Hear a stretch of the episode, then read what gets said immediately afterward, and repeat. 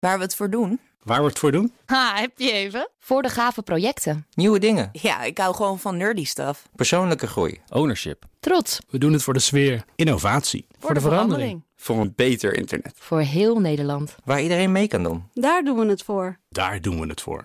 Waar doe jij het voor? Kom werken voor KPN en groei op jouw manier. Check de actuele vacatures op het gebied van data, security, development en networking op jobs.kpn.com/tech. BNR Digitaal wordt mede mogelijk gemaakt door Orange Cyber Defense. Orange Cyber Defense. Build a safer digital society. BNR Nieuwsradio. Digitaal. Herbert Blankenstein. Welkom bij BNR Digitaal. Bekende filmreeksen zoals Star Wars verplaatsten zich al van de bioscoop naar tv-series, maar komen binnenkort ook met nieuwe videogames. Iedereen die graag zelf de actieheld uithangt met een gamecontroller in de hand, die moet daar goed op letten. Daarover straks meer. Eerst dit. Google gaat diverse grote mediapartijen betalen om hun nieuws te kunnen tonen. Die Google News Showcase is beschikbaar voor onder meer Frankrijk, Duitsland en Brazilië. En ook in Australië kunnen uitgevers op deze manier geld verdienen met hun nieuwsartikelen. Klinkt allemaal mooi, maar betekent dit nu echt voor de online mediawereld dat alles beter wordt? Vragen we aan Wouter Hulst, strategisch adviseur van mediabedrijven bij 201 Connected Media. Welkom, Wouter. Dankjewel, Herbert. We zijn uh, gewend dat Google vooral zelf verdient aan het vindbaar maken van artikelen op internet. Dat gaat dus veranderen. Is dat een baanbrekende ontwikkeling? Het is denk ik een goede ontwikkeling, maar het is wel een, uh, een symbool politiek. De, de, de kosten die ermee gemoeid zijn, in onze ogen, uh, die, die zijn niet in verhouding tot wat de kosten hebben die de uitgevers hebben om de content te maken. Dus een goede eerste stap, ja. maar niet, niet goed genoeg. Oké, Google News Showcase gaat het heten. Uh, wat moet ik me daar precies bij voorstellen? Nou, zie je het als een soort uh, Netflix voor nieuws of een Spotify voor nieuws. Waarbij uh, contentbedrijven, dus vaak nieuwsuitgevers, bijvoorbeeld het AD of Nu.nl of de Telegraaf, hun artikelen beschikbaar stellen aan Google. En Google gaat die in hun eigen omgeving aan consumenten laten zien. Soms betaald, ja. soms niet betaald. Dus dat wordt een andere plek om heen te gaan, waar je dus als uh, consument uh, apart koers naar moet zetten. Ja, dat is het idee. En waarom zou je dat doen? Als er bijvoorbeeld ook Google News is, waar je gratis heen kunt? Ja, daar zit heel veel gratis nieuws. En daar is natuurlijk een hoop uh, discussie over. Want ja, de mensen die die content of dat nieuws hebben gemaakt, die verdienen daar niks aan. Dit is een manier waarbij Google probeert om daar wel uh, wat geld aan te verdienen. En dat ook dan weer te delen met de mensen die het nieuws hebben gemaakt. Dus op zich ja. een, goede, uh, een goede richting. Ja, oké. Okay. En hoe kom je daar terecht? Ik vroeg net, hoe kom je daar terecht als nieuwsconsument? Maar hoe kom je daar terecht als medium eigenlijk? Dan moet je met uh, Google contact opnemen. Uh, uh-huh. nou, die relaties liggen er bij de meesten wel. En dan zorg je ervoor dat jouw nieuwsartikelen aan Google beschikbaar worden gesteld. In het juiste formaat, met de juiste uh, content. En dan geef je aan Google aan welke, ja, welk nieuws zij voor jou mogen delen. Ja. Uh, zodat zij dat in hun nieuwsapp kunnen uh, opnemen. En dan verdwijn je ook uit Google News. En dan blijf je ook binnen Google. Ja, je blijft ook binnen Google News als zoekmachine, dus de content blijft gewoon bestaan. Alleen het idee van, van deze case van Google is dat consumenten daar uiteindelijk voor wat voor gaan betalen. En die betaalrelatie kan dan voor een deel weer worden gedeeld met de uitgever, dus met de makers van het nieuws. En heeft Google gezegd, ook al verdient Google er soms niks aan, ook dan zou er wat geld gaan naar de mensen die de content hebben gemaakt. Ja, um, wat voor probleem wordt hier nou eigenlijk opgelost? Nou, het begon bij het probleem dat Google natuurlijk een, nou, een geweldige search engine heeft gebouwd. Daar zijn we het volgens mij allemaal over eens. Ja. Alleen die is gebouwd op de content die iemand anders heeft gemaakt. Uh, of de, als nu.nl een stukje nieuws schrijft, dan wordt het gebruikt door Google om te indexeren, zodat we dat met z'n allen kunnen vinden. Daar is natuurlijk niks mis mee en dat is hartstikke fijn. Het probleem is dat de mensen die die content maken daar eigenlijk helemaal niks voor terugkrijgen. Um, uh, en dat is natuurlijk heel vervelend. Dus Google heeft een search engine gemaakt op de content van iemand anders. Ja, de, de tegenwerping van Google, en niet alleen van Google trouwens, is altijd geweest. Uh, het is niet waar dat je daar helemaal niks aan overhoudt als maker van content, want je, je krijgt verkeer. Mensen ja, gaan, he, eyeballs. Ja, dat is absoluut waar. Dus zonder de search waren er heel veel uh, uitgevers uh, veel kleiner geweest dan vandaag. Dus het heeft absoluut ook positieve zaken, absoluut. Uh, maar het heeft ook negatieve zaken, omdat je de eerste twee zinnen van het artikel vaak al op Google ziet. En dan, ja, dan heb je wel genoeg gelezen. Of je leest het inderdaad, wat je eerder zei, via Google News. En dan kom je helemaal niet naar de uh, uitgever toe. Dus er wordt steeds meer van het stukje nieuws wordt verplaatst naar de Google-omgeving. En daardoor neemt de reden om door te klikken natuurlijk wel steeds verder af. Ja, nou is um, in Australië is dit uh, vooral onder druk van overheid gekomen. Waarom heeft de overheid zich daar ermee bemoeid eigenlijk? Nou, gelukkig ben ik geen politicus, maar wat je wel ziet is dat er natuurlijk al heel lang gesprekken zijn uh, tussen Google en de uitgevers. En daar komt eigenlijk niks uit. Pas op het moment dat de overheid, en dat zag je ook in Frankrijk, ingrijpt, op dat moment begint Google uh, te bewegen en zegt: Oké, we hebben hier een project, we hebben een potje geld.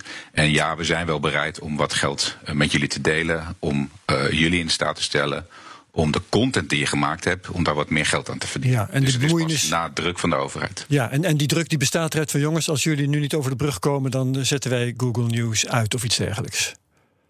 Ja, of de, of de wetgever grijpt in en zegt: jullie moeten er samen uitkomen. En ja. dan zie je pas dat Google gaat bewegen. Is het vooruitzicht nou dat dit ook in andere landen gaat gebeuren? Ja, dat is een beetje de vraag. Aan de ene kant zegt Google natuurlijk: kijk eens hoe goed we zijn in de landen waar ze moeten. Uh, we delen geld met de uitgevers en we willen graag de uitgevers helpen om ja, te overleven, om de journalistiek in de lucht te houden. Aan de andere kant doen ze dat natuurlijk alleen maar in landen waar het moet. Dus ik verwacht niet dat het een hele snelle vlucht neemt. Ook omdat het uh, nog wel lastig is voor uitgevers. Want op het moment dat Google al die informatie in een hele mooie app zet. En jij als, als, als consument gaat uh, Google betalen om naar die content te kijken. dan is Google natuurlijk eigenlijk ook weer direct aan het concurreren met de uitgevers. Ja, om klantdata bijvoorbeeld. Ja, wie de klantrelatie uh, heeft, die bepaalt. En wat er eigenlijk dus gebeurt, een nadelig neveneffect, je zou het ook kunnen omdraaien en zeggen: Google gaat zijn eigen nieuwsplatform bouwen. Daar gaan ze consumenten vragen om voor te betalen. Een beetje hetzelfde als YouTube. En daarmee zijn ze eigenlijk op weer een ander terrein ook aan het concurreren met de nieuwsbedrijven. Die zeker in deze coronatijd eindelijk hun digitale abonnees echt zien groeien. Dus ja. Het is het, de, um, uh, de medicijn in dit geval is erger dan de kwaal. en ik zei ook al, het is ingewikkeld, maar uh, ook voor Google natuurlijk. Hè, want ik kan me de reactie van Google dan ook voorstellen. Doen we, gaan we een keer mee, is het weer niet goed?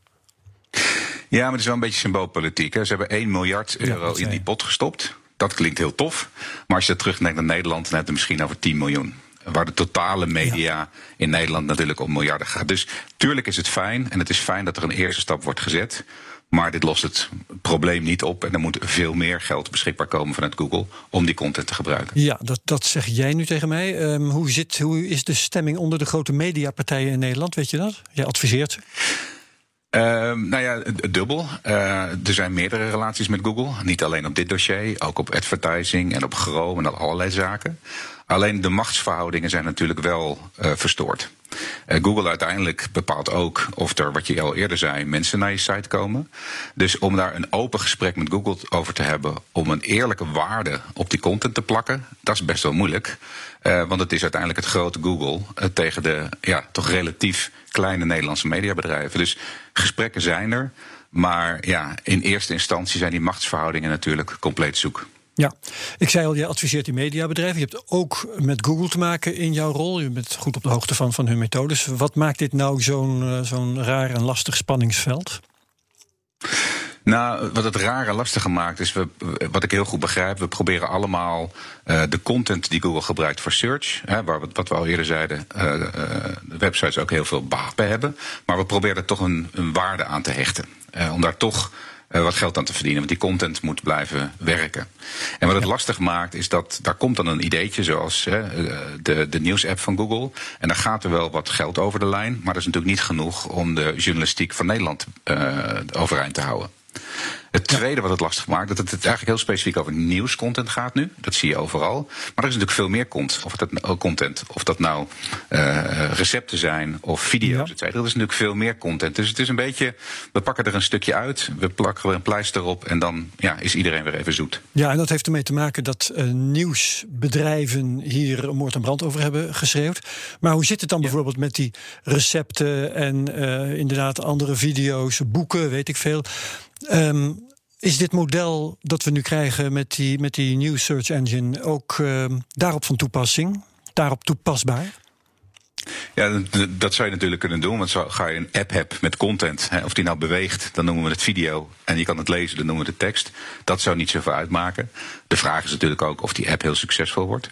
Maar als Google echt uh, voor, oprecht is om te kijken hoe zij eerder een verdienmodel, eerlijker een verdienmodel kunnen delen met contentmakers, ja, dan zou je die app ook kunnen uitbreiden. Maar nogmaals, dat gaat dan ook weer concurreren met ook een Videoland. Dat gaat ook concurreren met een AD-app en ook bijvoorbeeld met ja. een BNR-app. Dus ja.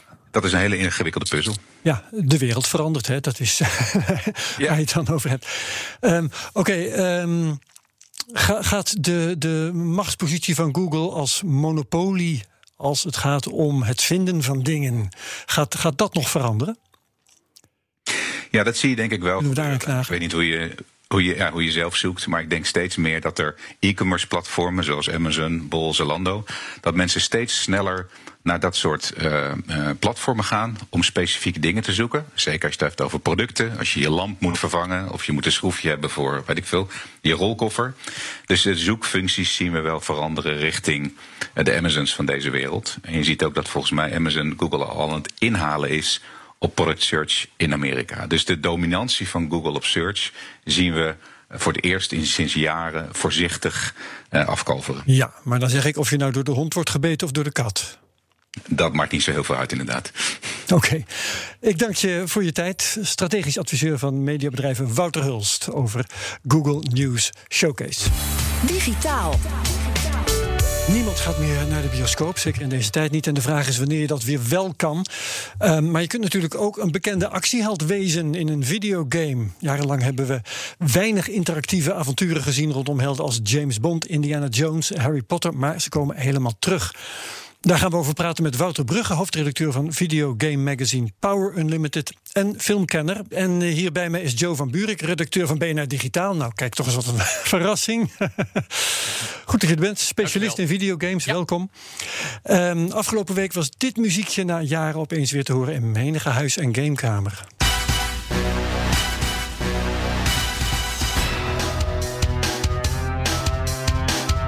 Ja, nou, we kennen het verder wel, hè, Joe? Zeker. Jij bent een groot liefhebber van uh, geheimagent 007 en vooral ook de bijbehorende games. Waarom zijn die opeens weer in het nieuws? Nou, de grap was dat GoldenEye 007 is al bijna 25 jaar oud. Komt uit jaren uh, 97, 98. 8 miljoen keer verkocht. Dus een hele als generatie. game bedoel je het nu meteen al? Als hè? game inderdaad. Ja. Dus de, de film uh, was er en de game is daarvan afgeleid. 8 miljoen keer verkocht. Uh, hele generatie boven mij en mijzelf. Ik ben begin 30 daarmee opgegroeid. Uh, dus daar wilden we graag een nieuwe versie van. Een HD remaster, zoals we die kennen in de videogames tegenwoordig. Die zou gemaakt worden. Maar die kwam vervolgens nooit. Dus ja, jammer. Maar het mooie was ook juist aan die HD remaster uh, dat die een met een druk op de knop kan wisselen tussen de oude beelden en de nieuwe beelden. Dus je kan de oude ervaring hebben of je kan hem helemaal opgepoetst nieuw kijken. Dat is uniek. Juist iets voor games. Uh, maar ja, die kwam niet totdat hij opeens uitlekte afgelopen week. En waarom kwam hij niet? Nou ja, dat was een beetje een geharrewar getouwtrek uh, tussen de licentiehouders. Ooit uitgegeven door Nintendo. Uh, de studio die maakte werd overgenomen door Microsoft. Uh, de Bond-licentie zat toen bij Activision, maar eigenlijk bij de filmstudio MGM. nou, zo kun je nog even doorgaan. Het werd een soort verboden vrucht. Belangen, conflicten eigenlijk. Hè? Precies. Ja. En die game kwam nooit, totdat die dus toch gelekt is. En daardoor alsnog een heleboel van die miljoenen fans, het zullen niet alle miljoenen zijn, maar toch wel duizenden, nu die game alsnog kunnen spelen. En dat is toch wel heel gaaf, inclusief het drukje op op die knop om te wisselen tussen de graphics van ja, 25 jaar geleden. Dat heb je en me laten zien. Dat zag er inderdaad heel apart uit. Overigens is het dan wel in illegale vorm, hè? Nou ja, dat hoort niet. Nee, dat klopt. Maar die game is nooit officieel verschenen. Dus ja. ook de originele makers zeggen: ja, wij vinden het eigenlijk wel leuk dat mensen er nu toch mee aan de slag kunnen. Gezegend. En je benadeelt niemand. Precies. Dus begrijp ik. Uh, victimless crime. Uh, Wouter, daar in de verte, wat maakt die James Bond filmlicentie volgens jou zo mooi en geschikt voor videogames?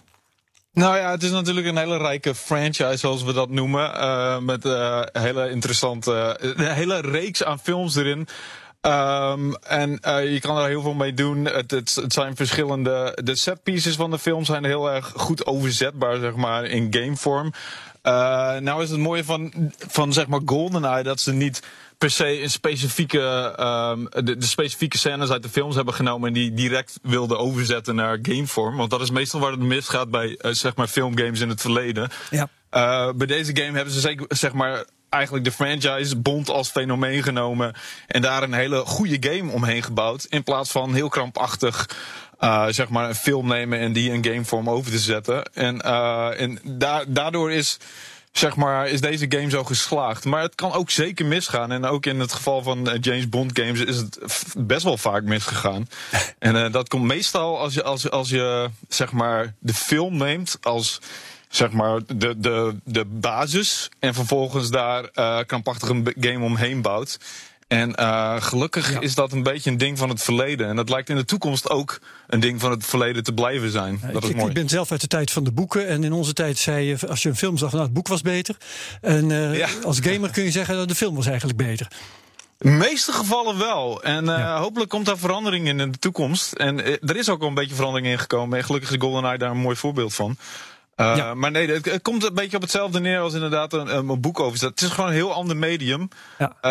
Uh, met totaal andere vorm van verhaalvertelling. Totaal, de interactiviteit zorgt voor een heel andere laag. Uh, waar je ja, goed mee om mee moet weten te gaan. Er is een, een, nieuwe nu in de maak alweer met als werktitel Project 007. Kun je iets vertellen over wie die game maakt en wat het wordt? Ja, dat is IO Interactive. En deze, uh, deze ontwikkelaar staat vooral bekend om een soort van huurmoordenaar simulator serie genaamd Hitman. Uh, dat klinkt een Ik beetje, moet even lachen om het woord huurmoordenaar simulator, maar ga verder. Ja, dat klinkt een beetje duister. Het komt er in ja. ieder geval op neer dat je eigenlijk een huurmoordenaar bent. Uh, je hebt een heel duidelijk doel voor ogen, een doelwit voor ogen. En eigenlijk in een soort van puzzelvorm moet je je door een omgeving heen werken om de beste manier te vinden om, uh, om je doelwit om het leven te brengen. Uh, en dat zorgt voor heel veel creativiteit krijg je daarin. En er zijn heel veel aspecten van deze serie uh, zijn heel goed over te zetten naar zeg maar uh, een James Bond game. Dus ja. um, kijkend naar het verleden van deze ontwikkelaar, IO Interactive, denk ik dat ze heel goed geschikt zijn om een James Bond game te maken. Niet omdat het technisch hele goede ontwikkelaars zijn, maar ook slimme ontwikkelaars. En, uh, en ze hebben al een serie gemaakt die in veel, op veel aspecten al lijkt op wat ja. James Bond in de films doet, zeg maar. Oké, okay, uh, Joe GoldenEye is, is dus al bijna 25 jaar oud. Uh, wat vind jij van wat er aan Bond games is verschenen door de jaren heen? Nou, de grap is dat dat echt enorm wisselende kwaliteit was. Uh, wat Wouter ook al aangaf. het is best wel vaak misgegaan. Uh, vooral onder uh, Electronic Arts. die vlak na de millenniumwisseling heel veel Bond games heeft gemaakt. sommige waren heel goed, sommige waren heel slecht. En daardoor heeft ook niemand meer die licentie aan willen raken. Tien jaar lang eigenlijk. de laatste is alweer van tien jaar geleden. Dus daarom is het ook interessant dat een gerenommeerde ontwikkelaar nu weer nieuw aan de slag mag. Ja. en er zijn ook zoveel kansen om iets moois te maken van dat Bond-universum. Ook dat gaf Wouter aan. Er zijn zoveel films, zoveel personages, herkenbaarheid. Nog steeds een van de meest geliefde franchises ter wereld. No Time to Die, inmiddels al een jaar uitgesteld, die nieuwe film. Ja. Dus mensen zitten er echt wel op te wachten. Het is ja, kijken wie daar iets moois mee kan laatste maken. van Daniel Craig, hè? Precies. Ja, hey, een andere uh, mooie franchise moeten we het even over hebben. Star Wars. Disney is de eigenaar. Die heeft aangekondigd dat er ook veel mee gaat gebeuren op het gebied van videogames. Um, Wouter, wat weet jij daarvan? Nou, het, het, mooie hiervan is dat er zeg maar een hele nieuwe divisie in het leven is geroepen, genaamd Lucasfilm Games. En dat is een soort van, uh, uh, ja, ik zie het een beetje als een soort van bedrijf dat uh, de games die onder Lucasfilm gaan vallen, en dat is dus Star Wars en Indiana Jones, zijn franchises die onder Lucasfilm vallen. Uh, in het oog gaan houden en die zeg maar gaan regelen wat voor games er uh, uitkomen van Indiana Jones Star Wars. En een van de aankondigingen daarvan is uh, inderdaad een open wereld Star Wars game. Uh, dat betekent eigenlijk een beetje dat je heel veel vrijheid gaat hebben in een soort van wereld waar je vrijelijk in rond kan lopen. Uh, GTA bijvoorbeeld, Grand Theft Auto is een heel erg bekende franchise die dat soort games maakt, zeg ja. maar. waarin dat, dat, dat genre, genre valt. Um, en uh, Ubisoft gaat ermee aan de slag. Uh, om, te, om precies te zijn, een studio genaamd Massive. En die is bekend van een serie genaamd The Division. En dat is een online uh, game. Um, nou zijn zij heel erg goed in het bouwen van werelden. En dat is wel heel erg belangrijk als je een open wereld bouwt. Want ja, uh, de wereld is een beetje de enige hoofdrolspelers daarin.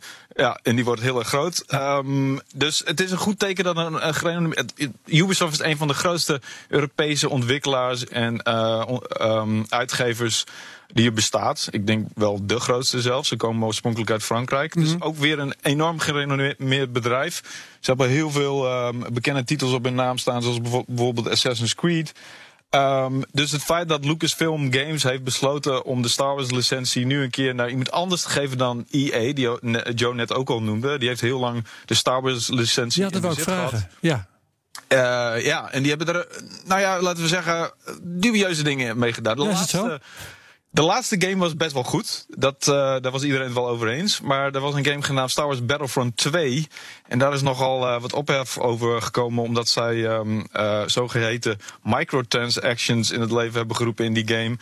Uh, wat nogal een dubieuze manier van zaken doen. Het kwam er eigenlijk op neer dat je heel moeilijk in die game verder kwam zonder daadwerkelijk geld te betalen. Oké. Okay, ja. um, en daardoor is zelfs een soort van nieuwe wetgeving in het leven geroepen die ervoor zorgt dat uh, bepaalde manieren van geld verdienen in games illegaal zijn geworden. Uh, naar aanleiding van deze game. Inmiddels okay. is die game al een stuk beter geworden door middel van allerlei updates. Maar het is dus mooi om te zien dat uh, Lucasfilm beslissingen maakt over hun franchises die waarschijnlijk wel uh, goed zijn. Ja. Dat, dat, de toekomst moet dat nog uitwijzen natuurlijk, maar de voortekenen zijn in ieder geval, uh, zijn in ieder geval gunstig. Op naar de volgende franchise, Indiana Jones. Ook daar heeft Disney de rechten van. Er komt ook een gloednieuwe videogame van.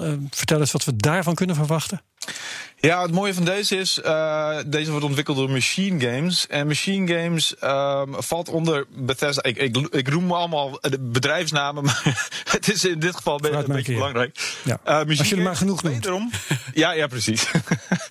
Um, Machine Games wederom echt, echt een hele goede ontwikkelaar. En zij zijn heel goed in het uh, neerzetten van geloofwaardige characters, personages. En dat uh, schort er nog wel eens aan games. Games um, die richten zich vooral op de interactiviteit en het, en het pleziergehalte. Um, en de verhaalvertelling valt daar vaak op, uh, bij op de achtergrond, zeg maar. Ja. Machine Games daarentegen, die, uh, die hebben een hele bekende franchise van vroeger genomen, Wolfenstein genaamd. En dat was een, een, een hele simpele schiet. Uh, een heel simpel schietspel. En mensen kennen het vast nog wel van vroeger, van die oude computers. Het was lekker schieten, net zolang dat je bij Hitler kwam en dan kon je die ook doodschieten.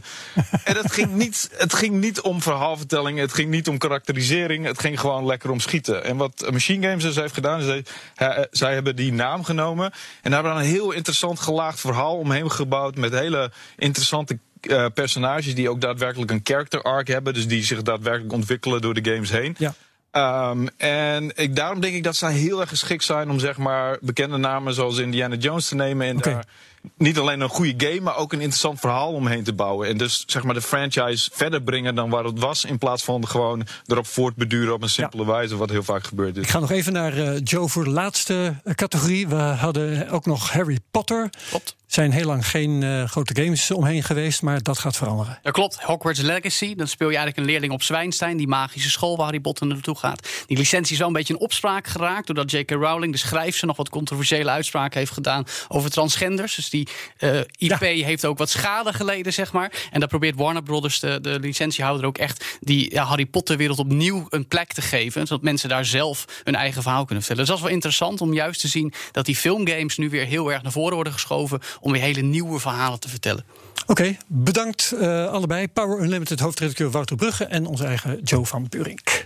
Tot zover BNR Digitaal. Je kunt terugluisteren via bnr.nl, onze app, of wat je ook maar gebruikt voor luisteren naar podcasts. En dan vind je ook mijn andere podcasts, de Cryptocast, Technoloog en Space Cowboys. Wat BNR Digitaal betreft graag tot volgende week. Dag. BNR Digitaal wordt mede mogelijk gemaakt door Orange Cyber Defense. Orange Cyber Defense. Build a safer digital society. Ook Liesbeth Staats vind je in de BNR-app. Ja, heel handig. Luister live naar Kees en mij tijdens de Daily Move. Dan blijf je ook gelijk op de hoogte van breaking news en het laatste zakelijke nieuws. En daar vind je ook alle BNR-podcasts, waaronder de Perestrooikast. Download nu de gratis BNR-app en blijf scherp.